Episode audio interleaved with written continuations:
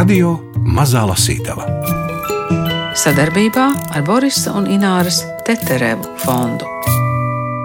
Anija Hatskelsona dzīvoja Rīgā un savu dienas grāmatu rakstīja vācu valodā, Hanna Bloha Strenčos un Valmierā, bet dienas grāmatu rakstīja latviski. Un Šeina grāmata dzīvoja Prēļos, rakstīja Jidišā. Dzīvē viņām nebija lemts satikties, jo visas trīs dzīves beidzās holokaustā 41. gadā. Tomēr tagad viņu domas, jaunības sapņi un attieksme pret pasaulē notiekošo satiekas grāmatā es gribētu par kaut ko kļūt. Par to, kā dienas grāmatas atgriezušās Latvijā stāsta muzeja ebreju Latvijā vadītājs Ilja Ļenskis. Katrai dienas grāmatai bija savs stāsts, Un, protams, ka citos apstākļos tās dienas grāmatas varbūt nekad netiktu izdotas zem viena vāka. Liels jautājums, vai reālajā dzīvē šīs trīs meitenes varētu būt pazīstamas, vai varētu būt kaut kāda situācija, kur tās meitenes varētu iepazīties. Pat teorētiski tādas nav. Nu, tas, Nē, ir nu jautājums, tas ir būt. jautājums. Jo, kas mums arī bija svarīgi, tad katra no šīm meitenēm ir no sava sociālā slāņa, ja tā var teikt. Tur arī bija svarīgi, ka katra dienas grāmata ir rakstīta savā valodā, kas arī parāda to ebreju kopienas daudzveidību. Un tad tur ir trīs dienas grāmatas. Pirmā dienas grāmata, ko rakstīja Anna Hatskelsone, Rīgas skolniece rakstīja vāciski to dienas grāmatu. Viņa gāja vienā Ezra ebreju gimnājā. Viņas klases biedrs, piemēram, bija Gabriels Civjans, oh. ko mēs pazīstam kā Gunāru Cīruli. Tad tai pašā skolā gāja Valentīna Freimane, piemēram. Un viņas dienas grāmata, kas tika rakstīta no 34. līdz 39. gadam, kad ģimene tika pārcelta uz geto. 41. gada, varētu būt tas bija oktobrī, droši vien. Tad viņa mājā, Meža parkā, tā dienas grāmata palika līdzās citām personīgām mantām, acīm redzot. Un mājā ievācās vācu virsnieks.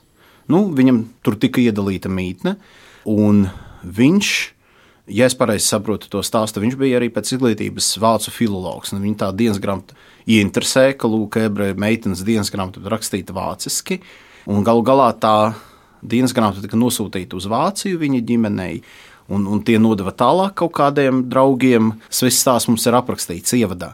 Un galu galā 80. gados tā dienas grāmata nonāca Jadvašēm muzejā Jeruzalemē. Neviens nezināja, kas tā ir par meiteni, Anna no Rīgas un viss, bet tad caur avīzēm izdevās uzzināt. Un tur arī bija ielīmēta fotografija, meitenes fotografija, izdevās atpazīt. Tā šī dienas grāmata nonāca līdz mūsu uh, dienām. Savulaik to, to tulkojumu jau pirms ilgiem gadiem ir uh, izdarījusi Amanda Aizpuriete. Un sen jau bija plāni izdot šo grāmatu kaut kādā veidā, bet nu, tie bija izpildījušies tikai tagad. Tad otrā dienas grāmata, kas ir uh, Hannes Blohas uh, no Strenčiem, no Valmīras dienas grāmatas, nonāca uh, okupācijas muzejā. Un, acīm redzot, tā kā tā dienas grāmatā ir aprakstīta 14. jūnija deportācija, un tur ir ielīmēts arī Latvijas karodziņš, tad tā dienas grāmata nonāca tādā priekšmetu krājumā, kas tika vākts nacistu okupācijas laikā par uh, padomju noziegumiem. Ja, un, un tad dīvainā, dīvainā ceļā šo ebreju meitenes dienas grāmatu saglabāja nacistu okupācijas laikā, un tas beidzot nonāca okupācijas muzeja krājumā. Un, un izvilkumi no dienas grāmatas tika publicēti jau pirms kāda laika, bet nu, pilnībā tā dienas grāmata nekad nebija publicēta. Un kādā valodā bija tā? Tā bija latviski. Tā bija latviski. Un tad trešā dienas grāmata, kas bija īdišu valodā rakstīta, šeina grāmata no preļiem, kas rakstīja dienas grāmatu sākoties nacistu iebrukumam 22. jūnijā, tikai sākoties kara darbībai, un tad līdz bojājējai. Tā dienas grāmata saglabājās pateicoties kādai kaimiņienei vai klases biedrenei, kas ienāca grāmatu mājā jau pēc vispārējo ebreju nošaušanas, paņem kaut ko par piemiņu par savu klases biedru, par savu draugu, un ieraudzīja dienas grāmatu. Dienas grāmata ir jidišā, bet uz vāka viņa latviešu uzrakstīja šeit grāmatas dienas grāmata. Un tā, tā klases biedrene saprata, ka tas ir kaut kas vērtīgs. Ja, un tad galu galā viņa to dienas grāmatu paturēja pie sevis, un kad 44. gadā atgriezās padomju režīms, sarkanā armija, nu, bija Latviešu strēlnieku divīzija. Un uh, strēlnieku divīzijā bija Šēnis Gramas brālis, vecākais brālis Gutmans, kam tik, tā dienas grāmata arī tika nodota. Ja mēs pareizi rekonstruējam šo stāstu, tad tā dienas grāmata tika aizsūtīta ģimenei, kas bija evakuācijā Urālos, un tur tika lasīta, bet paralēli teksts tika pārrakstīts, tulkots tādai tā saucamai melnai grāmatai, ko plānoja um, ebreju kultūras darbinieki izdot par holokaustu Padomju Savienībā. Bet nu, tas projekts šādas grāmatas izdošanai sākoties 48. gadā antisemītiskai kampaņai Padomju Savienībai, ja, un tā saucamā cīņa pret kosmopolītiem. Tas, tas viss tika aizliegts. Tas teksts, tas krievu tulkojums, kas bija sagatavots, tas arī palika arhīvos. Un dienas grāmatas oriģināls ir gājis zudumā, jo kaut kad 50. gados, ja mēs pareizi saprotam, oriģināls tika aizsūtīts radiniekiem Dienvidāfrikā kas bija dažas lapuses, kas tieši par holokaustu nokopējuši, un tad kaut kad 90. droši vien gados jau viņu pēcnācēji, kas īpašā nelasīja, viņi to vienkārši izmeta. Jo kam tad ir vajadzīgi veci dokumenti? Jūs man varat piekrist, es domāju. Un lūk, tad oriģināls nav saglabājies. Mums ir dažu lapušu fotokopijas, kas bija vēl toreiz uztaisītas 80. gados un kas nonāca arī caur radiniekiem mūsu muzejā. Un tad mēs izmantojam gan to krievu tulkojumu, kas vairāk kārt jau pēc tam tika publicēts pēc varianta, kas ir uh, Krievijas arhīvos, gan tās īdiša fotokopijas. Mēs to visu mēģinājām kaut kā savilkt kopā.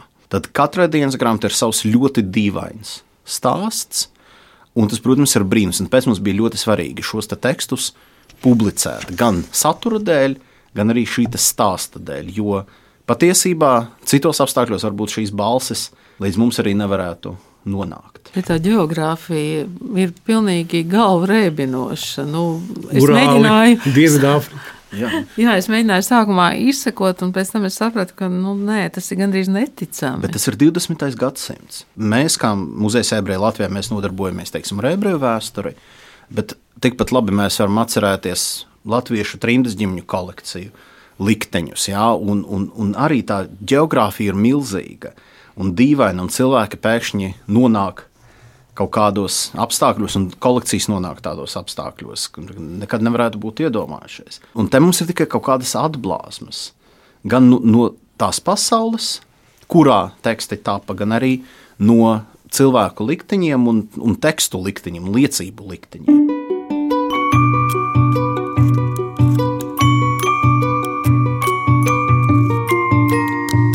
Radio Mazā Lasītava.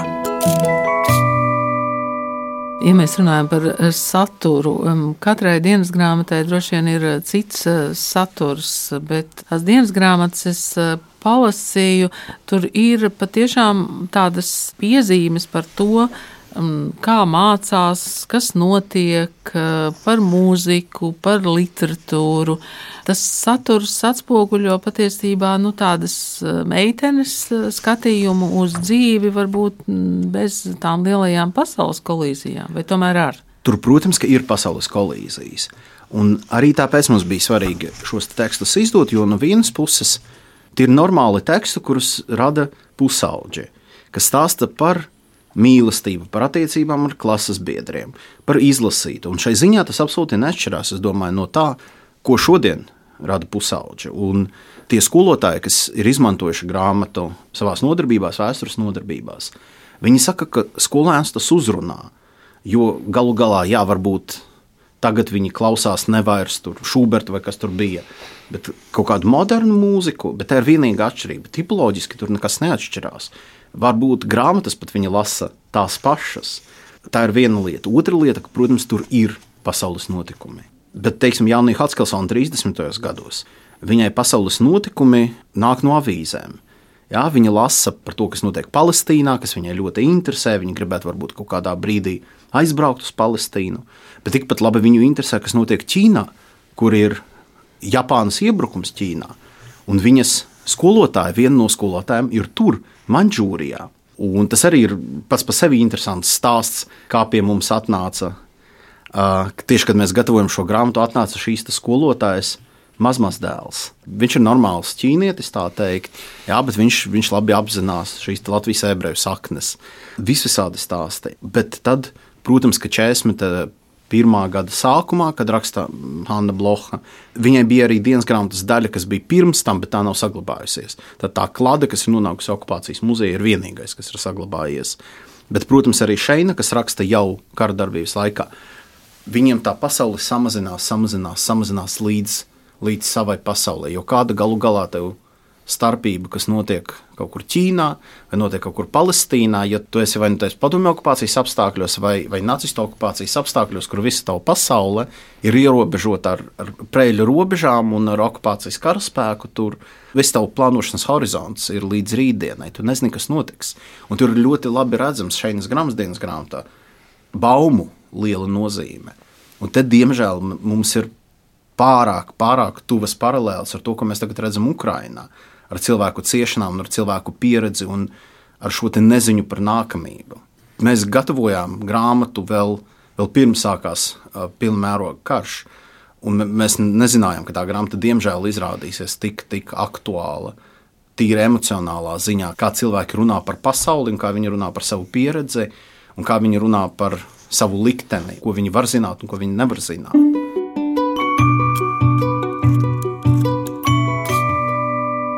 Fragmentus no Annijas Hatskelsonas, Hannas Blokas un Šeinas grāmatas dienas grāmatām lasa Gundars Aboliņš.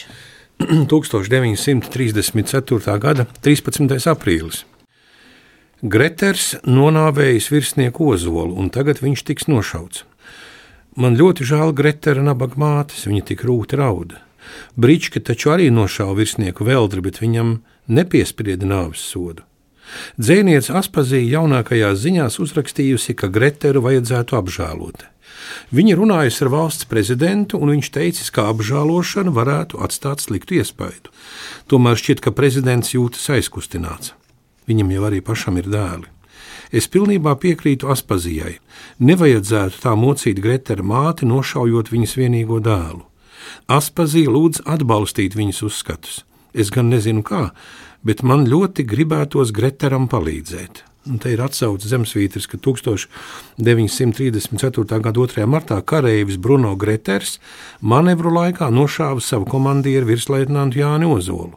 Tiesa, kura mēģināja noskaidrot, vai nogalināšana notikusi aiz neuzmanības, vai tā bijusi tīša slepkavība, saviļņoja Latvijas sabiedrību. 1934. gada aprīlī Greteram piesprieda nāves sodu, tomēr šis spriedums tika pārsūdzēts, un tā pašā gada jūnijā kara virstiesa nāves sodu Greteram aizstāja ar 15 gadu spaidu darbiem. Ir eh, jautājums par tām zemesvītras eh, piezīmēm. Tās eh, jūs radījāt izdošanas laikā. Gal, galvenokārt tās rakstīja vēsturnieks Kaspars Zellis, un arī es un, un citi kolēģi mēs tur piestrādājām. Mums likās ļoti svarīgi kontekstualizēt to, par ko meitenes raksta. Un mums pat bija kaut kādā brīdī uh, strīdi, vai, piemēram, vajag skaidrot, kas ir Beethovens. Hm. Uh, jo, protams, tām meitenēm bija skaidrs, kas ir Beethovens, bet mēs nolēmām, vai kas ir Staļins. Piemēram, bet mēs nolēmām, ka mēs visu komentēsim, jo sliktāk no tā nebūs. Nu, lūk, te ir par Rainu un Aspaziju arī. 17. aprīlis 1934. gads. Greters cietumā aprecējies. Viņa jaunā sieva stāsta, ka gribējusi apliecināt, pat tagad, kad Gretera vārds ir aptraipīts, viņai nav kauns precēties ar šo cilvēku. Tomēr vissavdabīgākās kārtas laikam svinējusi Aspazija. Toreiz Rainim vajadzēja doties trimdā, Dievs vien zina kurp. Viņi aizbraukuši nākamajā dienā pēc kāzām, un te ir atsauce Rainis ar gadu skaitiem un Aspazija salauzās 1897. gadā cietumā. Pēc kāzām abi devās uz Raini pagaidu nometinājumu vietu Pleskavā. Brīnumains kāzu ceļojums. Ja nemaldos, tad Rainis bija tikai sociāldemokrāts, un tāpēc viņam nācās aizbraukt. Bet iespējams, ka viņš bija arī komunists. Nu, Rainis ir bijis Latvijas Sociāldemokrātiskās strādnieku partijas biedrs ar komunistiem, viņam nebija saistības. Un tagad mēs paņemam puķis grāmatu. Mm. Es gan to vēl neesmu izlasījis, bet ne. Tur varētu būt arī citi fakti. Es biju, es biju pašķirstījis to grāmatu, jo, protams, ka tur ir sadaļa kas ir veltīta Raņa ārstam Borisam Lifšicam, Jā. kur, protams, tiek Lifšicam uzvēlta visa atbildība par Raņa nāvi. Nu, neko izņemot gānīšanos, godīgi sakot, par Lifšicu es tur nesaskatīju. Tāpēc es pieņemu, ka arī citas sadaļas ir tikpat, Kritiski ticama, tik, tikpat ticamas. Un droši vien nevelti uh, arī literatūras zinātnieki pagaidām, man liekas, ir diezgan atturīgi komentāru sniegšanā, jo, kā jūs saprotat, iekost sunim, nu, nav īsti loģiski. droši vien. Bet interesanti, ka meitenes vispār, vai šī konkrētā meitene vispār interesējas par tādām lietām, ka, nu, Bet tas ir absolūti normāli. Meit, nu, tās ir pusaudzes, kas interesējās par pasauli apkārt.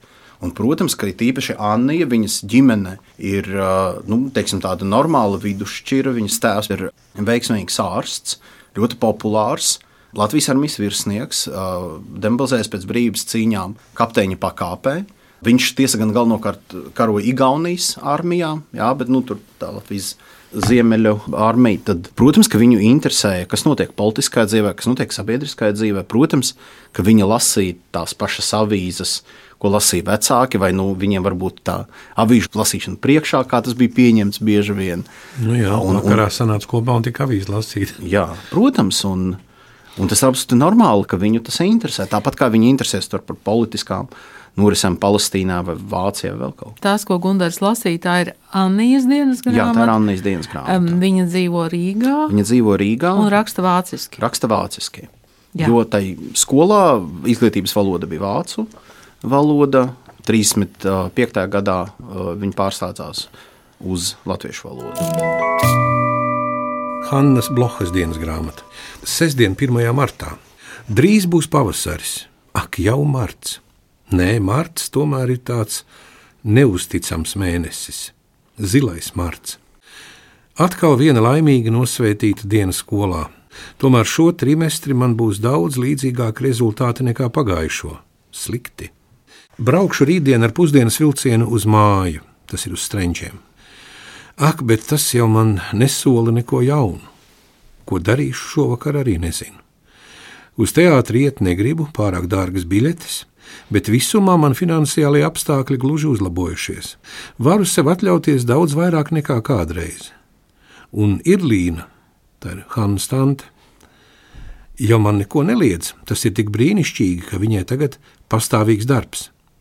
Tā, tagad jāpārtrauc, jāiet uz muzikas skolu, uz teoriju, mācāmies tagad solfeģiju, un tas man ļoti patīk.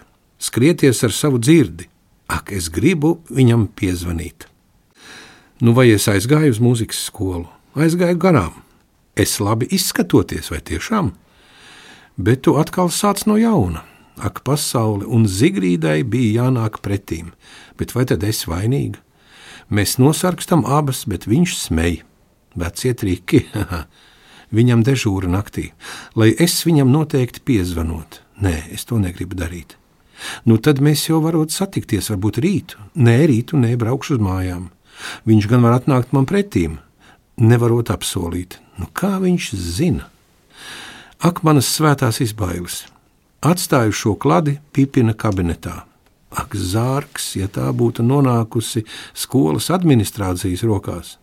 Un es skrienu uz pipina kabinetu, tur viena zēnu klase. Vai es tiešām neesmu laimes bērns, visos solos ēd zēni, bet mans solis ir tukšs, un tur mana klade guļ pasolē, iekš viena miera. Nē, tas ir tiešām kaut kas neaptverams. Ja es būtu vienu stundu nokavējusi, jā, bet es gribu rakstīt vēl par sestdienu. Viņam tiešām vara pār mani. Kas tad mani saista? Nesaprotu. Un pārnākot man atkal acīs vairs tikai sapņi, plaksti tik gurdi. Nu, pārcelsimies uz 25. martu. Aisedora Dunkane, amerikāņu dejotāja, brīvās dejas stila radītāja. Aisedora Dunkane, ak, esmu visaugstākā mērā sajūsmināta par šo dievišķo dvēseli, lielo garu. Tas nav vārdiem pasakāms, vajag izlasīt dažas lapuses no viņas lieliskās grāmatas. Tā ir Dunkanas autobiogrāfija Mana dzīve, izdota Latvijā 1934. gadā. Tad var saprast, kas īsti ir māksla. Lielā, svētākā māksla, ģenialitāte. Varbūt, ka viņu saprast var tikai cilvēks ar viņai līdzīgu raksturu elementiem. Nē, viņai līdzīga jau nav neviena. Viņa ir vienreizējs gars. Viņas personība bija pasaulē tikai īsu brīdi, bet viņa bija savs es pats, vārda tiešākā nozīmē. Es lasu šīs rindas viņas grāmatā, tiešāko atzīšanos. Nē, kāpēc gan atzīšanos, jo nevar būt runa ne par kādu pārkāpumu no manas ideoloģiskās uztveres. Viņas teorijās un cik naivi tas šobrīd neizliktos, es redzu sevi viņas atziņu spogulī. Baidos gan atzīties, cik ļoti mani valdzina viņas brīvie uzskati, viņas tāda veida dzīve. Tie ir arī mani principi. Bet man jānoliec galva, varbūt pat jānosarkst, jo es taču nekas vēl neesmu. Kā es varu par tādu uzskatu realizēšanu sapņot? Viņa bija es pats, Ibsena pēra ginta vārdiem runājot, Tas bija pārāk dabīgi, ka viņi varēja domāt un dzīvi veidot pēc savu atziņu teorijas. Ak, mana vienīgā vēlēšanās, svētā vēlēšanās kļūt artistei, izveidot savu jūtu pasauli. Kā spogulies skatos, lasot Aisedoras Dunkanas atklājumu par savu jūtu pasauli. Saprotu tagad tik skaidri pati sevi un arī tos brīžus, kad esmu bijusi vistuvāk pati sev. Nav grēka, ir tikai liela dvēseli harmonija. Bet kāpēc mēs tik reti varam atrast tās? Jā, jo tikai reti dvēseles un jūtu cilvēki. Un ja mēs tā nevaram atrast, tad jāsamierinās ar parasto dzīves šablonu. Ak, vai man samierināties ar šo pedantisko, sistemātisko grafiku, mantotu no paudzes uz paudzi? Ai, nē, es gribu kļūt mākslinieci, veidot pašai savu jūtu pasauli un realizēt to dzīvē. Es dzīvošu pati sev, nedomāšu daudz par sabiedrisko morāli, bet tagad es to nedrīkstu. Tas taču būtu galīgs absurds, neloģiska rīcība, ja es kaut kādā ziņā iedrošinātos jaukt ierasto kārtību. Tad eh, šī ir Hannas dienas grāmata, kas rakstīta strenčos un rakstīta latviešu valodā. Jā, strenčos un valmierā. Strenčos un valmierā, jā. Mēs kopumā par maz novērtējam to, cik Latvija bija attīstīta. Es domāju, ka mums tas ulmaņa laika mīts par to, ka lūk, zemnieku tauta, un tad atgriezīsimies pie kaut kādas tur īstās dzīves, kas nav saistīta ar pasauli, kurai Aizsadora Dunkana varbūt ir pretstatā. Mēs nesaprotam, cik patiesībā pasaule bija atvērta un cik cilvēki bija integrēti pasaules kontekstā. Ja, tāpēc tas dzelzs priekškars, un viņi jau dzīvojas dzelzs priekškarā, bet viņi vēl nesaprot. Tur ir tā lieta, ka es domāju, ka vēl, vēl tie pirmie padomju okupācijas mēneši varbūt cilvēki līdz galam neapzinājās, kas notiek lielos vēstures vilcienos, ja mēs tā varētu teikt viņa dzīvo globāli. Un jo lielāka ir tā traģēdija, ka mēs tos 45, 50 gadus bijām vienkārši nogriezti, izolēti gandrīz no ne tik daudz no pasaules kaut kādiem kultūras fenomeniem individuāli, bet no, no kultūras procesa, ka mēs varējām tikai pāri tam žogam palūkoties, kaut ko, kaut ko saskatīt. Nevis, ka mēs katru dienu varētu būt daļa no pasaules kultūras procesa ar visiem plusiem un mīnusiem arī būsim godīgi, liela daļa toreizēju skolēnu es pieņēmu, arī varbūt neizmantoja to iespēju būt daļa no pasaules kultūras procesa, bet viņi vienkārši nerakstīja dienas grāmatas. Te, protams, mums ir tas izņēmums, ka cilvēks, kam patīk lasīt, acīm redzot, varbūt būs vairāk tendēts arī, arī rakstīt. rakstīt jā. Jā? Tad, protams, ka, ka mēs nevaram teikt, ka katra Latvijas skolniece bija emocionālā ziņā vai valodas ziņā līdzīga Hannai, un, un viņas valoda ir ļoti izsmalcināta. Tur redzams, ka ir ļoti izkopts stils, ka viņai patīk rakstīt, un tāpēc jau viņa raksta par savu nākotni, ka viņa gribētu par kaut ko kļūt tādu. Tas nāk no grāmatiņu lasīšanas.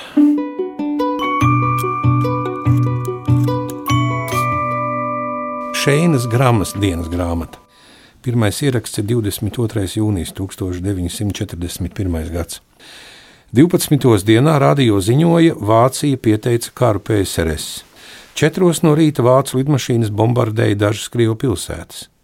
Vakar pusē aizbraucu uz riebiņiem, tā ir apdzīvot vieta 6 km no prēļiem. Līdz pat pusnaktī sēžu pie radioaparāta, Stāsta, kā izvairīties no gaisa uzbrukumiem.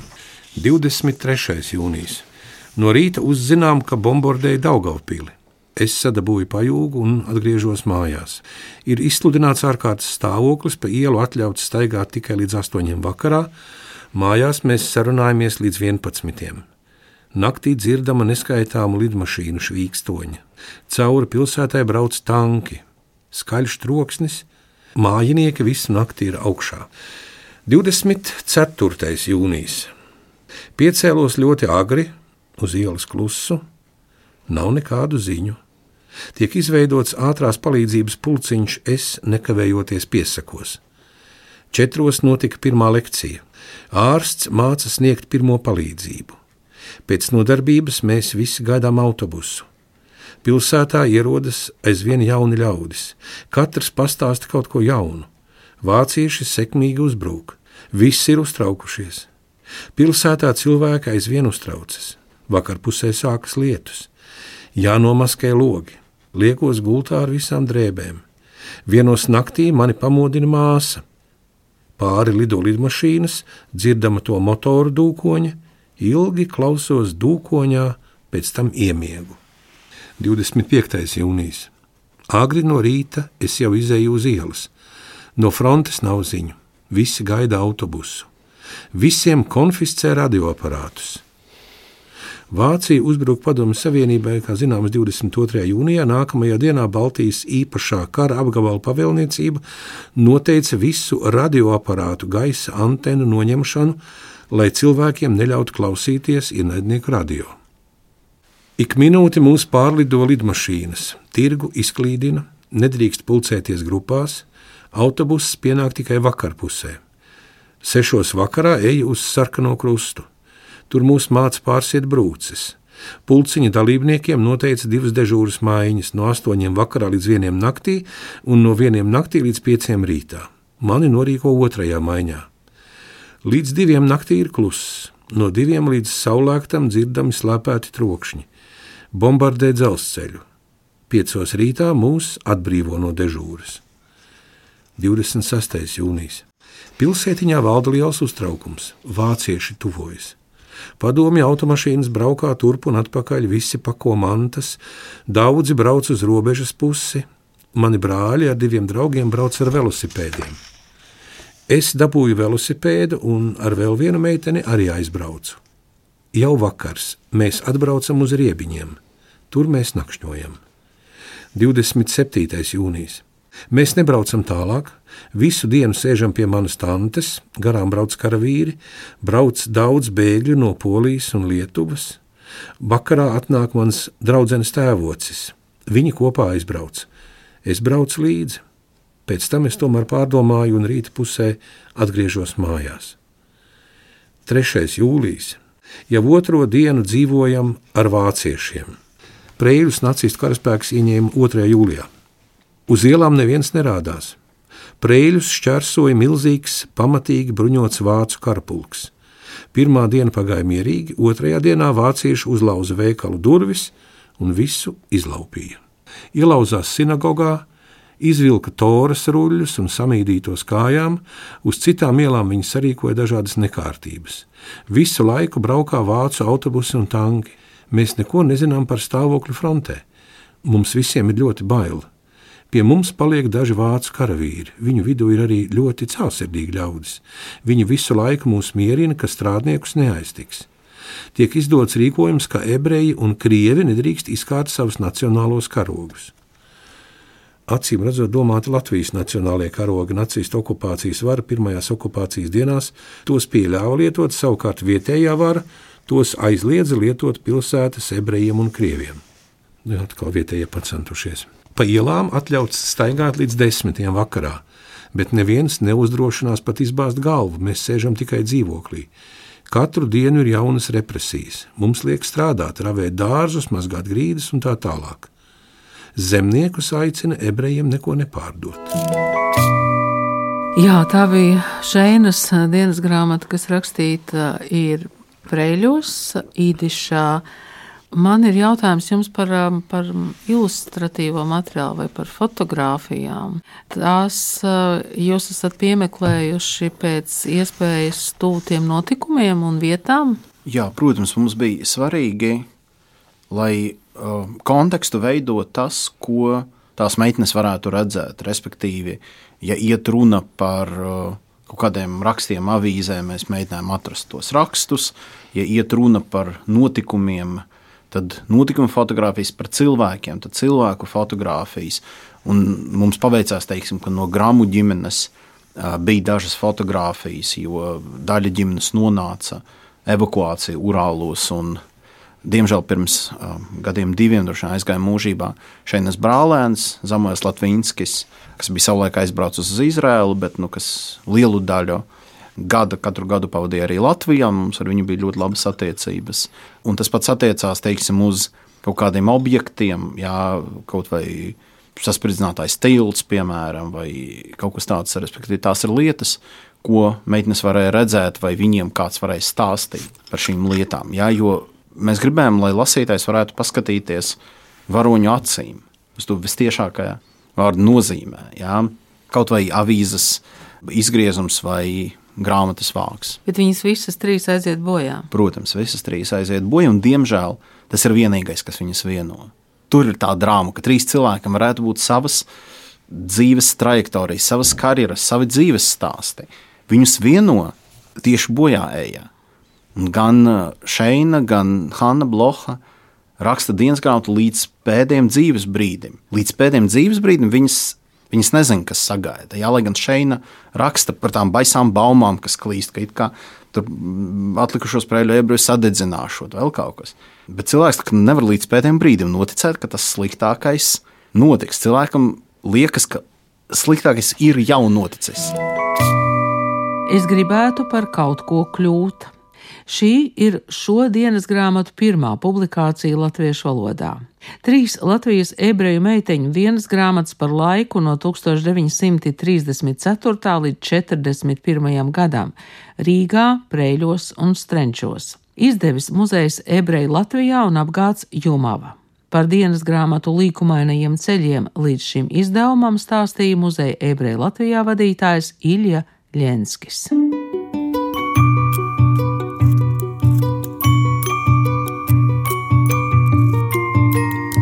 Radio Mazā Lasītava sadarbībā ar Borisa un Ināras Teterevu fondu.